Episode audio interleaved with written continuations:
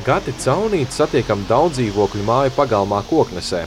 Ar veiklu kājas kustību viņš atver ārdurvis un aicina pievienoties braucienam ar viņa auto. Čau, dārgi. Čau, čau. Nu, izvazinās ar Nu, Škodu, ja? laižam, sēdies. Viņš auto vada ar kājām. Kustības ir veiklas. Ar vienu pēdu ātrumu pārslāgu ieliek atpakaļgaitā, sagriež stūri. Pa to laiku ar otru pēdu nospiež akcelerātoru pedāli un esam no pagalma jau izbraukuši. Tiesību iegūšana bija garš un piņķerīgs process. Latvijā nebija nevienas mašīnas, kas būtu pielāgota kājas vadībai. Varianti bija ārzemēs un ļoti dārgi. Uz eh, zemes pie pedāļiem atrastos eh, tāds šķīvītis, kas funkcionētu kā stūre. Un līdz ar to man nevajadzētu celt augšā kāju uz stūres, un es varētu lejā grozīt. Beigās izdevās iemācīties braukt ar parastu, nepielāgotu auto.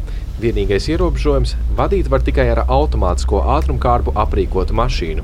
Kārtojot tiesības, bijušas dažādas mulsuma situācijas, bet grūtākais bija iemācīties piesprādzēties.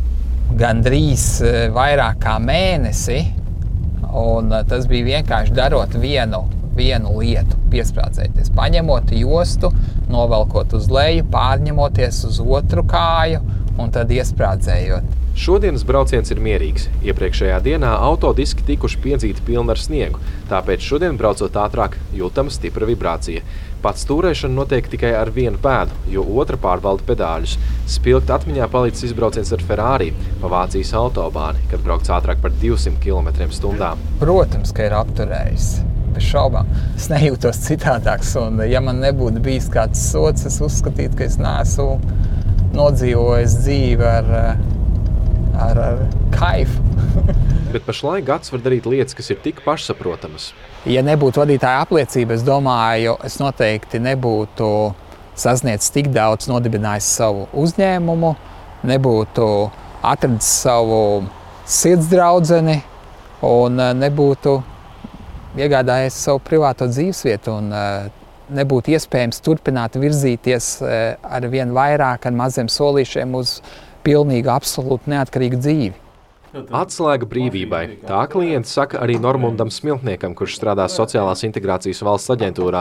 Tā ir vienīgā institūcija Latvijā, kur aprīko un apstiprina auto ar rokas vadību. Darbnīcā gada laikā tiek izveidots ap 30 rokas vadības sistēmas.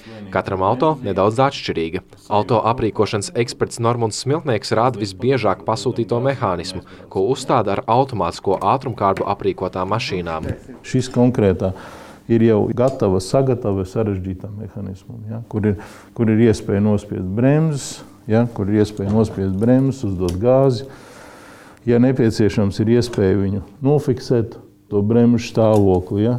Ir arī sistēma, kas paredzēta manuālai ātrumkārbai. No tā meistari klientus cenšas atrunāt, jo ar vienas rokas kustībām ir sarežģīti pārvaldīt trīs pedāļus, īpaši, ja ikdienā jābrauc pa Rīgu.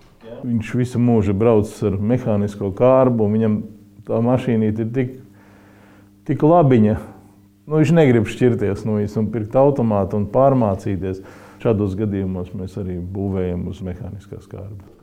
Šāda sistēma tiek vadīta ar labo roku. Tā atrodas blakus labajai kājai. Metāla konstrukcijas galā ir melna bumba, kas jāsatver. Tās griešana ar dēlnu pulksteņa rādītāju virzienā spiež akcelerātoru pedāli. Bumbas spiešana uz leju izspiež sajūgu, bet virzīšana uz priekšu nospiež bremzes. Vienas mašīnas pielāgošana maksā ap 1000 eiro. Lielākoties izmaksas gan sedzot valsts. Ārzemju varianti maksā ap 3000 eiro.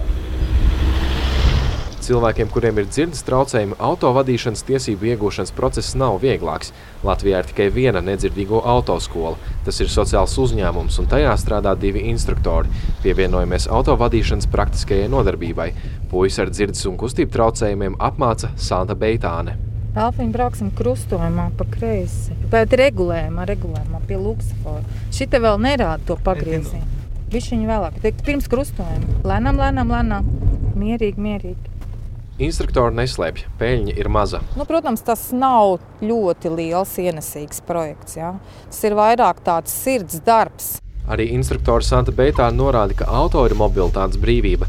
Pēc garajām apmācībām raudzēkņiem izveidojas īpašs kontakts un ir patiesa prieks tos satikt pie autostūres. Arī Ralfs, kuram šodien ir braukšanas apmācības par iespēju sēsties pie stūres, ir sajūsmas pilns. Dāvids Frenefelds, Oto Ailts, Latvijas televīzija.